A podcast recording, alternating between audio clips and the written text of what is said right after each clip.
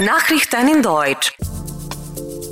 Bald könnte der Umbau eines gefährlichen Knotenpunkts beginnen. Ungarn möchte Werkkundeunterricht einführen. Guten Morgen, Sie hören die deutschsprachigen Nachrichten im Studio Chabasangati. Der Umbau des sogenannten Metro-Knotenpunkts dürfte in Kürze beginnen, da der Bauträger noch im August das Gebiet übernimmt. Es geht um eine der gefährlichsten Autobahnausfahrten, wo es öfters zu Unfällen kommt.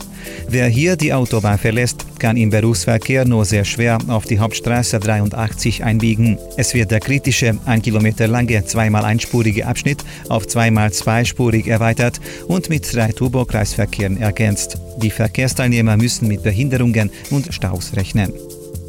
Im Rahmen des Programms Moderne Städte könnten zahlreiche Investitionen verwirklicht werden. Es würden unter anderem Industrieparks, kulturelle Gesundheits- und Sportinstitutionen in den Städten mit Komitatsrecht errichtet, aber die Regierung fördere auch Verkehrsentwicklungen und Investitionen, die auch neue Arbeitsplätze bedeuten würden, erklärte András Aratzki, Staatssekretär des Ministeriums für nationale Entwicklung.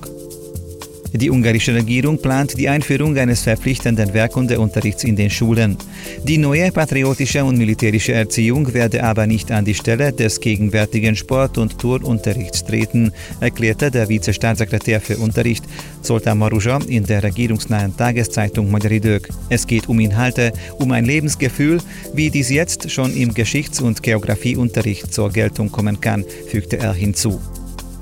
Die Weintrauben- und Melonenernte kann dieses Jahr gut auslaufen. Das Wetter habe beiden Früchten gut getan. Die Bewässerung und der ausreichende Niederschlag seien aber auch weiterhin sehr wichtig, sagte der Präsident des zwischenberuflichen Verbands Früchte und Gemüse, Ferenc Ledo, in einem Rundfunkinterview. Er fügte hinzu, dass der Frühlingsfrost die Apfelernte dezimiert habe und auch durch die Dürre und starke Sonnenstrahlen sei es zu Schäden gekommen. Deswegen rechne man mit 600.000 Tonnen Äpfel von mittelmäßiger Qualität. Qualität.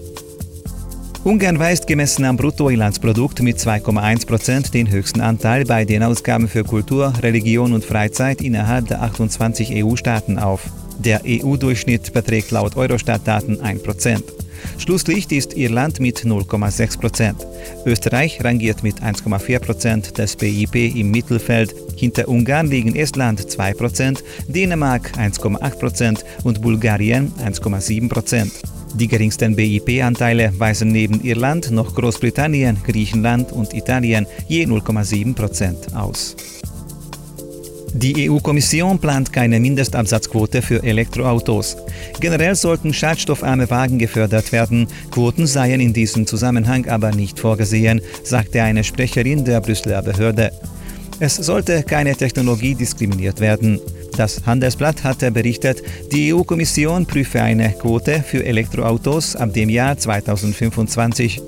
In der Bundesregierung gibt es unterschiedliche Ansätze zu dem Thema. Das Verkehrsministerium lehnt anders als das Umwelt- und das Wirtschaftsministerium mittelfristig die Einführung einer Quote für elektro- oder andere schadstoffarme Autos ab. Die österreichische Regierung will ab 2030 keine Diesel- und Benzinautos mehr neu zulassen. Verkehrsminister Lichtfried nannte im Handelsblatt das Ziel, dass ab 2030 in Österreich nur noch emissionsfreie Autos zugelassen werden sollen. Im Herbst wolle die Regierung in Wien dazu eine Strategie entwickeln. Zuvor waren ähnliche Pläne in Frankreich, Norwegen und Großbritannien bekannt geworden. Und jetzt zum Wetter. Ein weiterer, sehr sonniger und auch wieder sommerlich heißer Tag steht bevor. Die Frühtemperaturen liegen um 20 Grad, tagsüber werden bis zu 31 Grad erreicht.